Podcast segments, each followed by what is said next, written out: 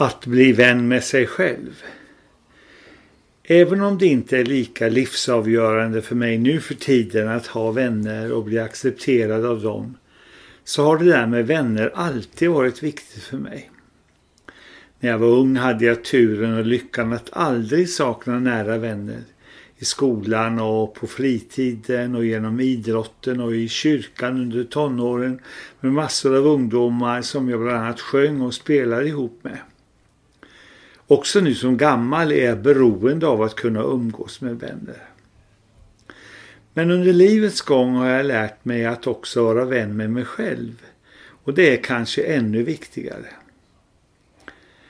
Att vara vän med sig själv är inte att vara onormalt självisk eller självupptagen. Men det är att åtminstone inte ständigt vara missnöjd med sig själv eller förakta sig själv. Att så många unga människor idag är djupt olyckliga och har självmordstankar och kanske till och med försöker ta sina liv, det är en allvarlig varningssignal.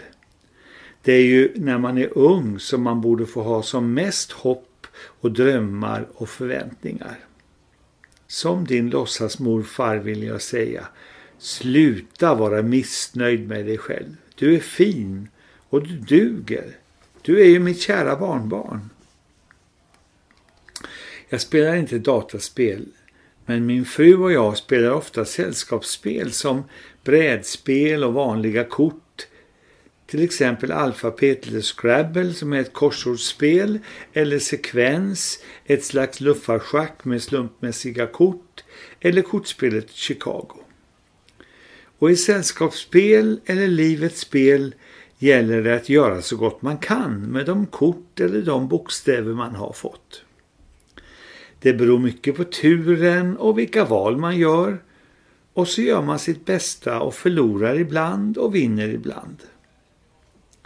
Att vara en ödmjuk och inte alltför kaxig vinnare och att vara en god förlorare och kamrat och vän i alla fall, det är kvaliteter man kan lära sig.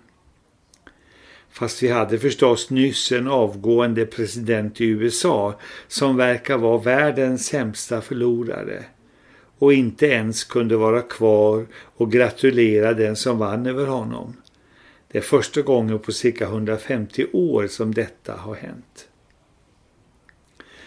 Jag tror att den som inte förväntar sig att vinna eller lyckas jämt eller vara lycklig jämt faktiskt är den stora vinnaren i livet i det långa loppet.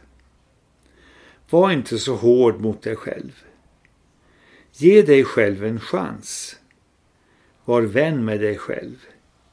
Det är ju den person du ska vara ihop med hela livet. Kanske är det också så att om man inte kan vara vän med sig själv så blir det svårare att få andra vänner.